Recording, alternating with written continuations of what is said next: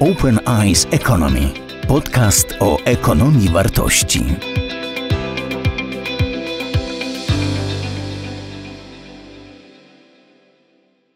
Dziękuję, dziękuję Janusz. Teraz chciałbym y, na chwilę y, poprosić Cię o to, aby to, co przedstawiłeś, y, spróbować jakoś odnieść do obecnej sytuacji. I bardzo krótki, taki aktualizujący to, co mówisz, komentarz. Oczywiście dzisiejsze zastanawianie się nad tym, jaka będzie dynamika wzrostu gospodarczego, czy w Polsce, czy w innych krajach, ma bardzo ograniczony sens no ponieważ mamy do czynienia z takim wstrząsem zakłócającym te, te ciągi, e, które opisywałeś. E, po prostu będziemy za jakiś czas wiedzieli, jak głęboka będzie recesja i jakie zmiany strukturalne w wyniku tej recesji zostały dokonane w, w majątku wytwórczym. I, i, i wtedy określić, w jakim kierunku to dalej mogłoby iść. Natomiast y, y, ja chciałem Cię zapytać, y, bo mam takie głębokie przekonanie, że w tym, co się w tej chwili dzieje, mieszczą się dwa potencjały. Jeden to jest potencjał autorytaryzmu, potencjał wychodzenia z tego wszystkiego przez powierzenie się, zawierzenie władzy centralnej, uznanie, że bezpieczeństwo jest warunkowane właśnie takim scentralizowanym, antykryzysowym zarządzaniem, w którym rola jednostek jest bardzo ograniczona, a musi się liczyć po prostu e, działanie narzucone zbiorowości, gdzie y, tak na dobrą sprawę ta wspólnotowość też zanika, bo tu nie chodzi o wspólnotowość, tylko o traktowanie społeczeństwa jako zbiorowości, które ma się podporządkować. I ja uważam, że wielu ludzi przyjmie takie warunki, jeśli oczywiście zapewni się im bezpieczeństwo. A z drugiej strony ja uważam, że w tym, co się dzieje, w sposobie radzenia się jest też potencjał właśnie inwencji, potencjał zaradności, zapobiegliwości, przedsiębiorczości, a więc tych cech, które Polacy mają, e, które oczywiście wiążą się też i z ich indywidualizmem, ale mm, jeśli do tego indywidualizmu dodać taki element E, wspólnotowości, element zbiorowości, nawet oparty o mały krąg społeczny, to wydaje mi się, że to otworzyłoby taką, taki potencjał e, antykryzysowy, który pozwoliłby nam stosunkowo szybko odbudować e, aktywność gospodarczą. Czy mógłbyś to skomentować?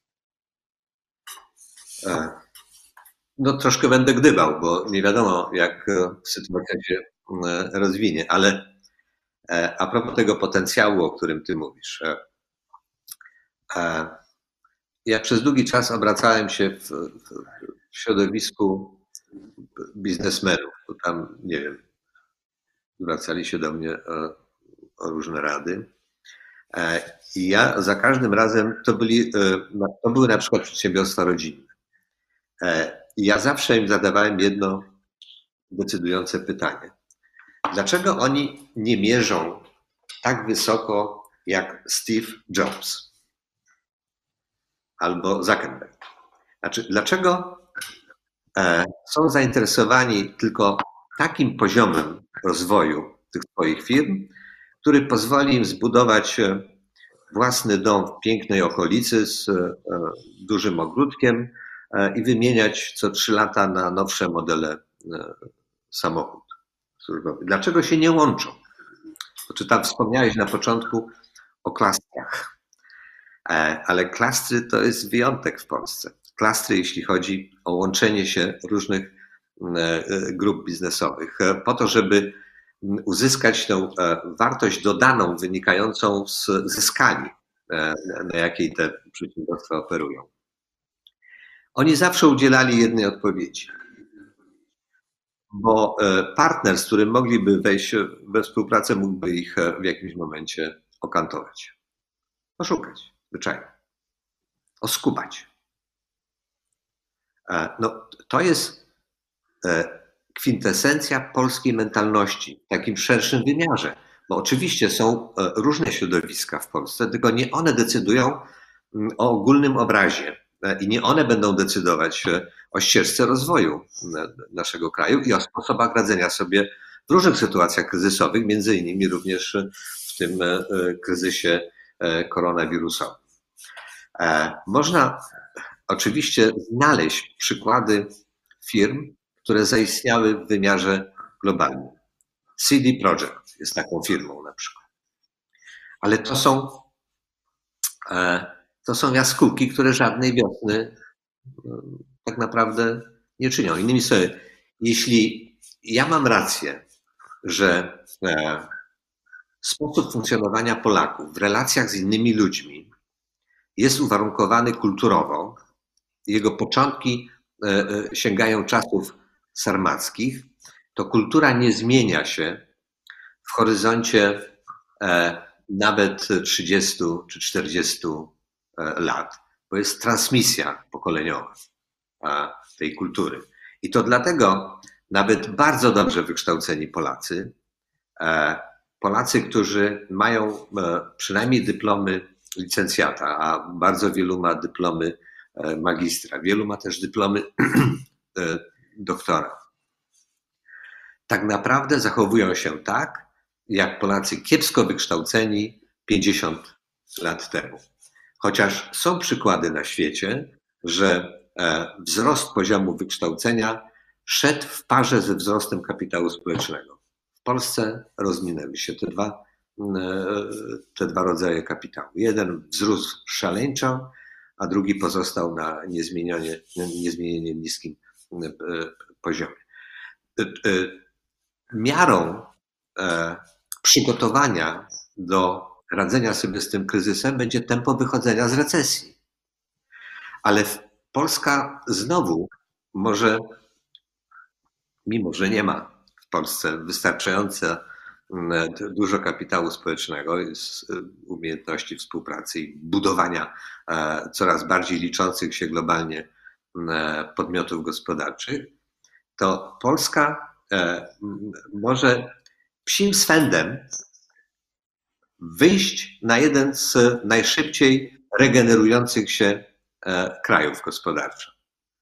Bo cały szereg e, firm będzie chyba stopniowo przenosić produkcję z Chin do innych krajów.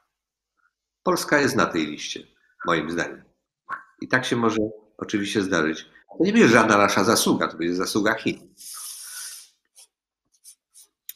Tak, Dobrze, dziękuję bardzo. Jeszcze wrócę, jeszcze wrócę do Ciebie, a teraz bym prosił o to, żeby przejść do mojej prezentacji przygotowanej na wykład.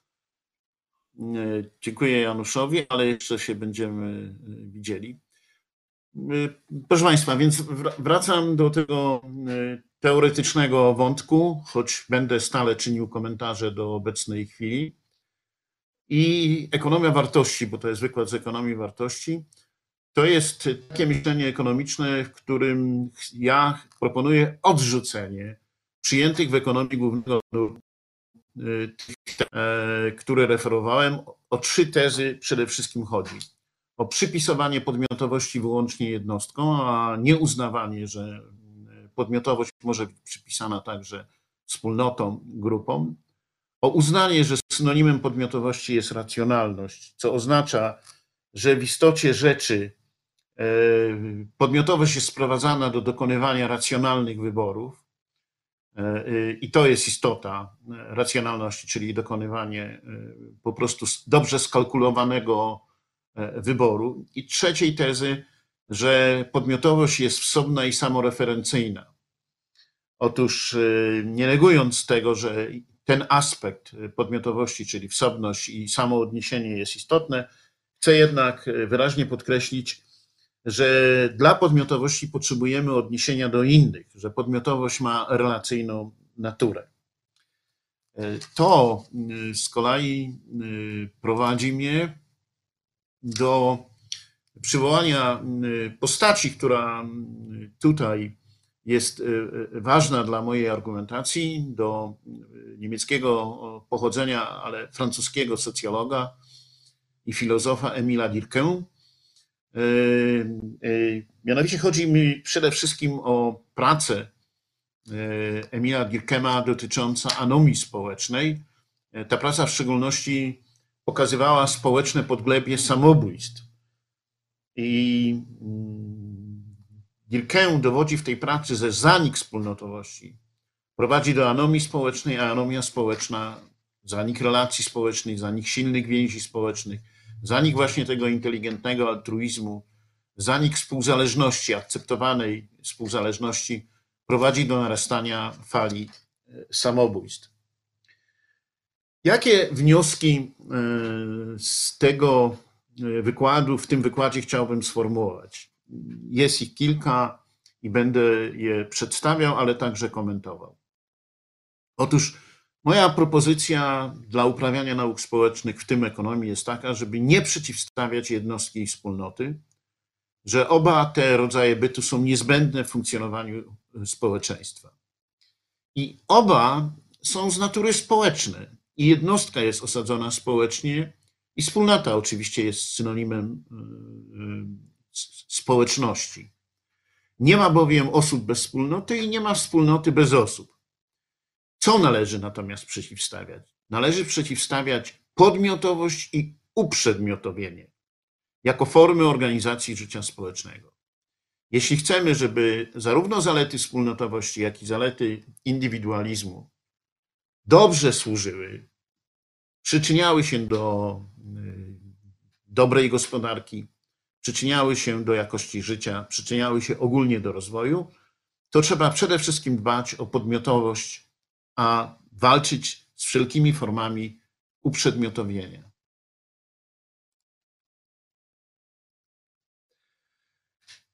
Następny e, wniosek dotyczy pytania, które chcę postawić. W jakim stopniu wspólnotowość jest wymuszana, a w jakim dobrowolna? W jakim stopniu prowadzi do upodmiotowienia, a w jakim do ubezwłasnowolnienia?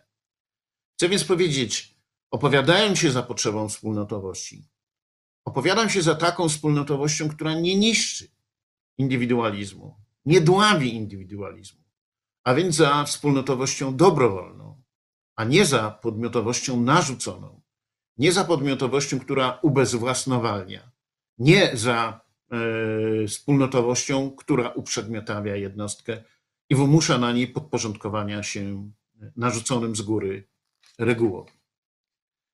Grupa w związku z tym funkcjonuje e, jedynie jako grupa interesu, znaczy grupa nie funkcjonuje jedynie jako grupa interesu, wyłącznie w oparciu o podział pracy i wymianę e, ekonomiczną. To, co jest ważne dla tej dobrowolnej wspólnotowości, to jest perspektywa przeszłości i przyszłości, perspektywa dziedzictwa i perspektywa wspólnoty losu.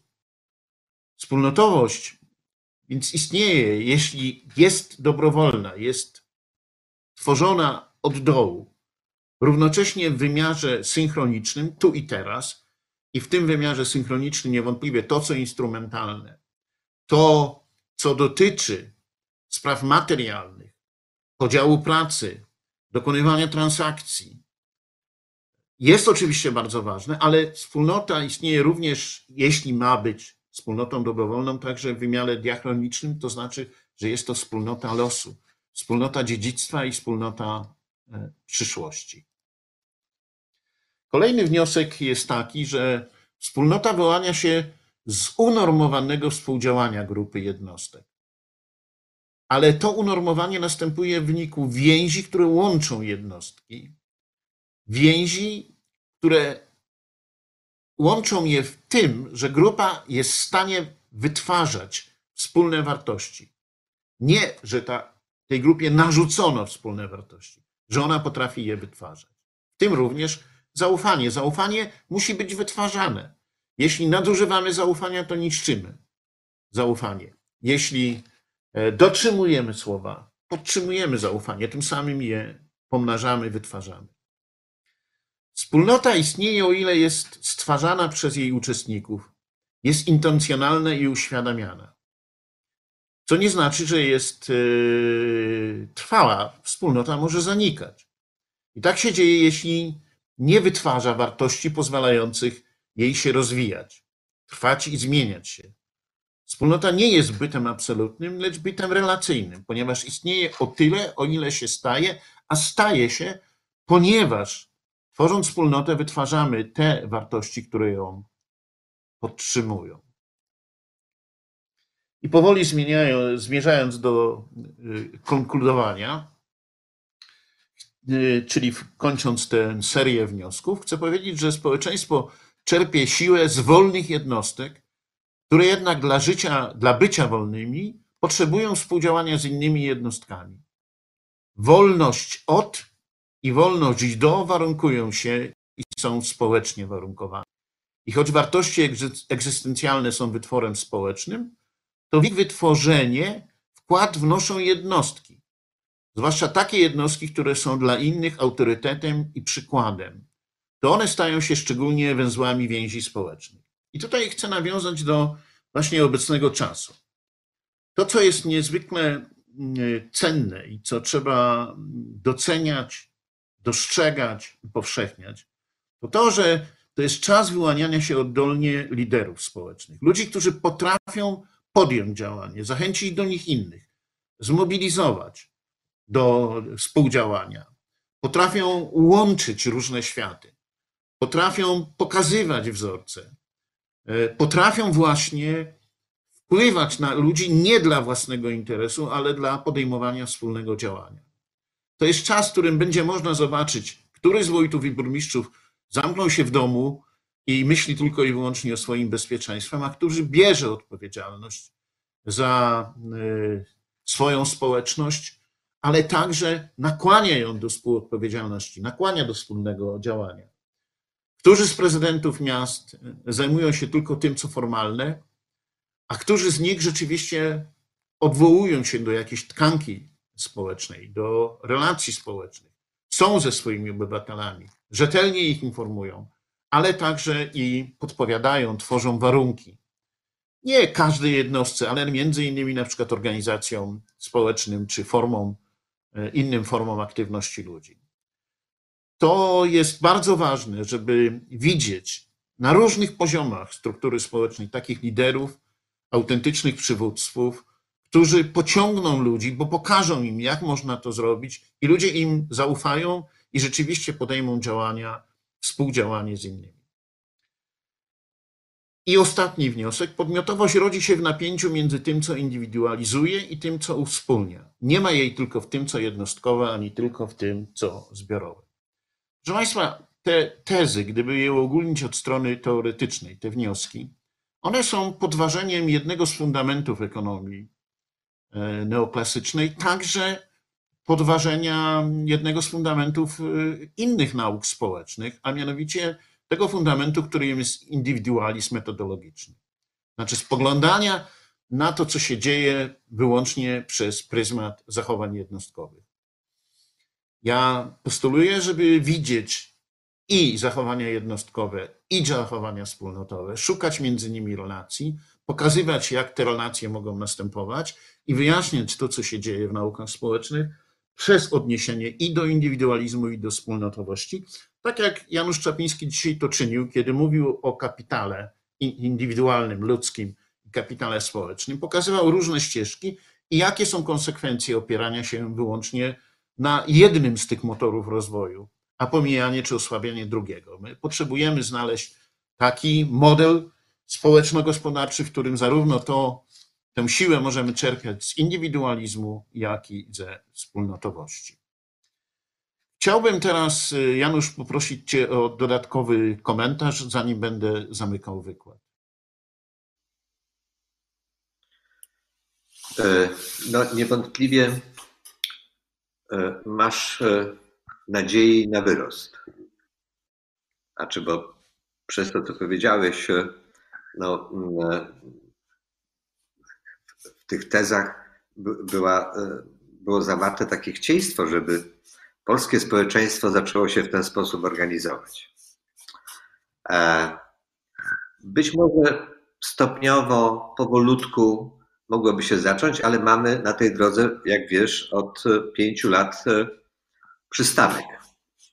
Ten przystanek polega na tym, że władze polityczne próbują w sposób autorytarny, dyrektywny budować tkankę społeczną.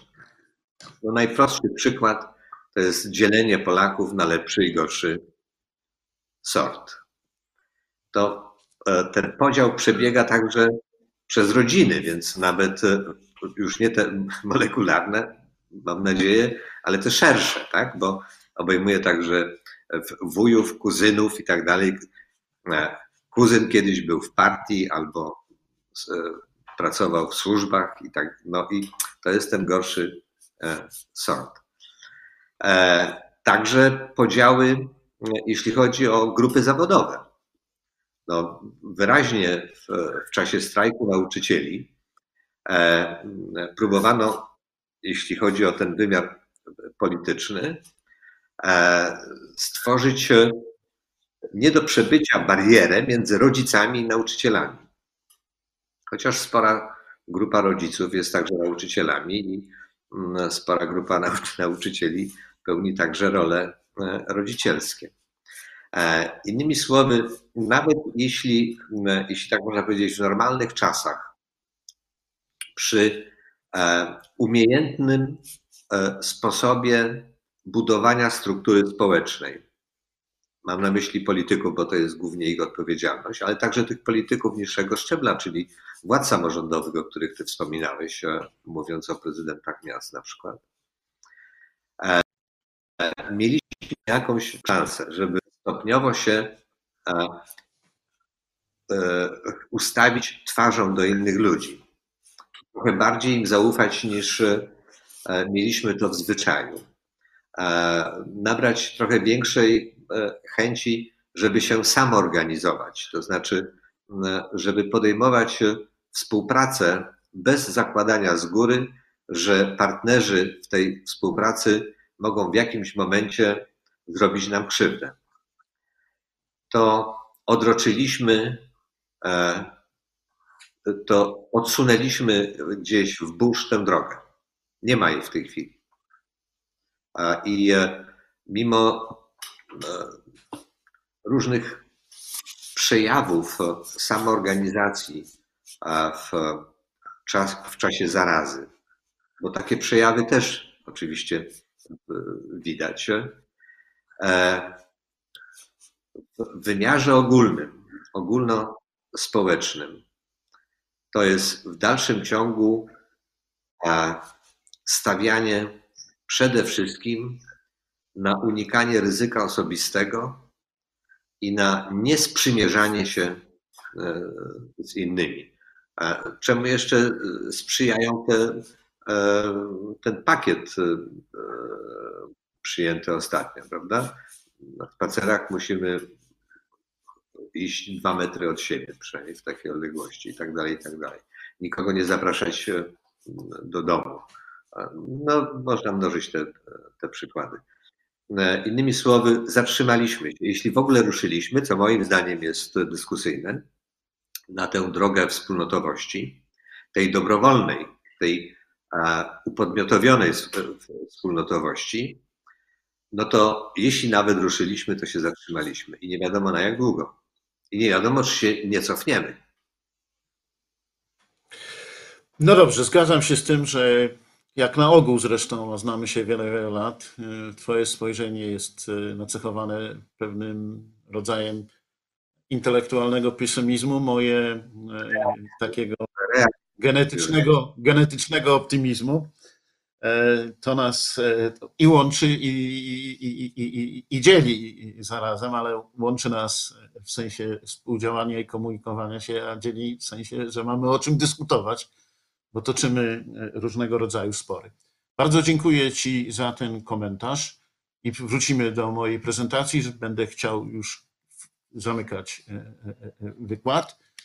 I Proszę Państwa, więc będę zmierzał do konkluzji. Jedna myśl, która mi się nasunęła wtedy, gdy Janusz komentował ten ostatni fragment, jest taka, że jak popatrzymy na to, co się w tej chwili dzieje, to jest wymiar bezpieczeństwa zdrowotnego, więc te wszystkie restrykcje, y, które zostały narzucone i które przyjmujemy na ogół, po prostu jesteśmy zdyscyplinowani. Rzeczywiście tych reguł przestrzegamy, po to, żeby no, nie pomnażać tego zagrożenia epidemicznego, to w tym zakresie jesteśmy gotowi się Państwu w większości podporządkować, przyjąć te restrykcje jako konieczne, no ale jednocześnie mamy prawo zapytać, a czy naprawdę jest tak, że państwo oczywiście e, zmuszając nas, czy zachęcając, e, promując takie zachowania, które się dostosowaliśmy, robi wszystko, co należy do strony e, państwa, aby rzeczywiście ten proces nie trwał długo. No i wtedy musimy pytać, jakie jest wyposażenie szpitali, jaka jest organizacja szpitali, jaka jest procedura. My widzimy walczących ludzi, ale nie widzimy, żeby państwo zapewniło nam bezpieczeństwo od tej strony. I ale jest drugi wymiar tego, w czym uczestniczymy, a mianowicie ten wymiar, który jest już dziś dostrzegalny, no bo ludzie są zwolnieni z pracy i tracą źródło dochodów. Czy państwo nam jest w stanie zapewnić bezpieczeństwo ekonomiczne, bezpieczeństwo materialne?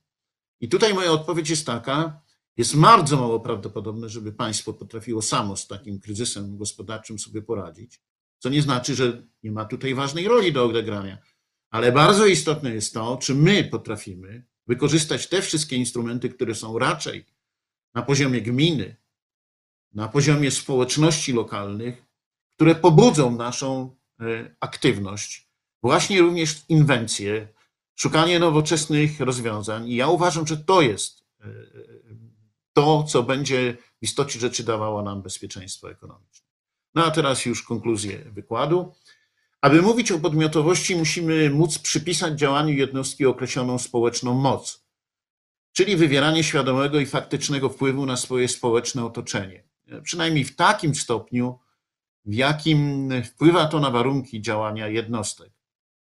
Wtedy jest podmiotowość, kiedy jednostka w jakichś określonych sytuacjach może choćby częściowo wpływać na warunki swojego działania i dokonać zmiany swojego postępowania.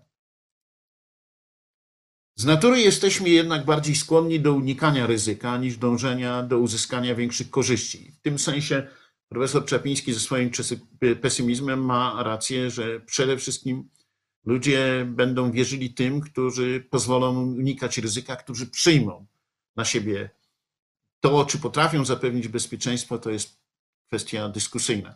Większość uczestników społeczeństwa nie wykazuje gotowości do zmiany, raczej do uzyskania większej puli korzyści w ramach tej samej znanej gry.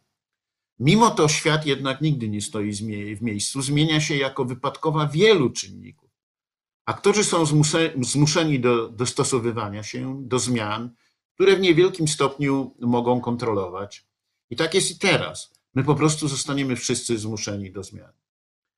Dlaczego ja uważam, że trzeba iść w ekonomii w kierunku ekonomii wartości? a jednak odchodzić od, tego, od tej ekonomii głównego nurtu. Bo ponieważ w ekonomii głównego nurtu jednym z takich aksjomatów, jednym z tez, które cała ekonomia neoklasyczna jest ufundowana, jest tak zwane optimum Pareto. Wilfredo Pareto, włoski ekonomista, sformułował to optimum na następnym slajdzie ja je przypomnę. Czyli to optimum w sensie Pareto, czy to optimum, tak jak je sformułował włoski ekonomista, brzmi tak, że optymalna jest sytuacja w takiej alokacji czynników produkcji lub dóbr konsumpcyjnych, przy której jest niemożliwe zwiększenie produkcji jednego dobra i zwiększenie konsumpcji jednego konsumenta bez zmniejszenia produkcji innego dobra i zmniejszenia konsumpcji innego konsumenta. To jest myśl, która cały czas góruje nad ekonomią głównego nurtu że możemy poprzez działania rynku i myślenie w kategoriach człowieka racjonalnego, indywidualnego egoizmu, egoizmu stworzyć świat równowagi społecznej i równowagi ekonomicznej. Że da się uzyskać taki stan i otrzymać, jeśli jednostki będą e, idealnie, absolutnie egoistyczne, a rynek będzie działał bez. Otóż na naszych oczach widać, jak fałszywa, e, kompletnie nieprzystająca do rzeczywistości jest ta fundamentalna koncepcja, na której osadzona jest. E, mam nadzieję, że Państwo mnie słyszycie. Przepraszam za tą przerwę. To było spowodowane i potem trzeba było nawiązywać łączność od nowa. To moja wina. Chcę więc mówić, mówiąc o tym, że w ekonomii klasycznej to ciągle to pokutuje to optimum Pareto, że musimy zamiast myśleć w kategoriach idealnej i równowagi, e, w kategoriach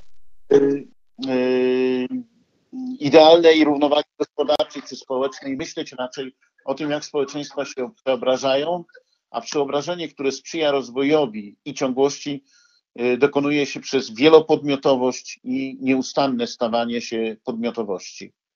Proszę o zmianę slajdu.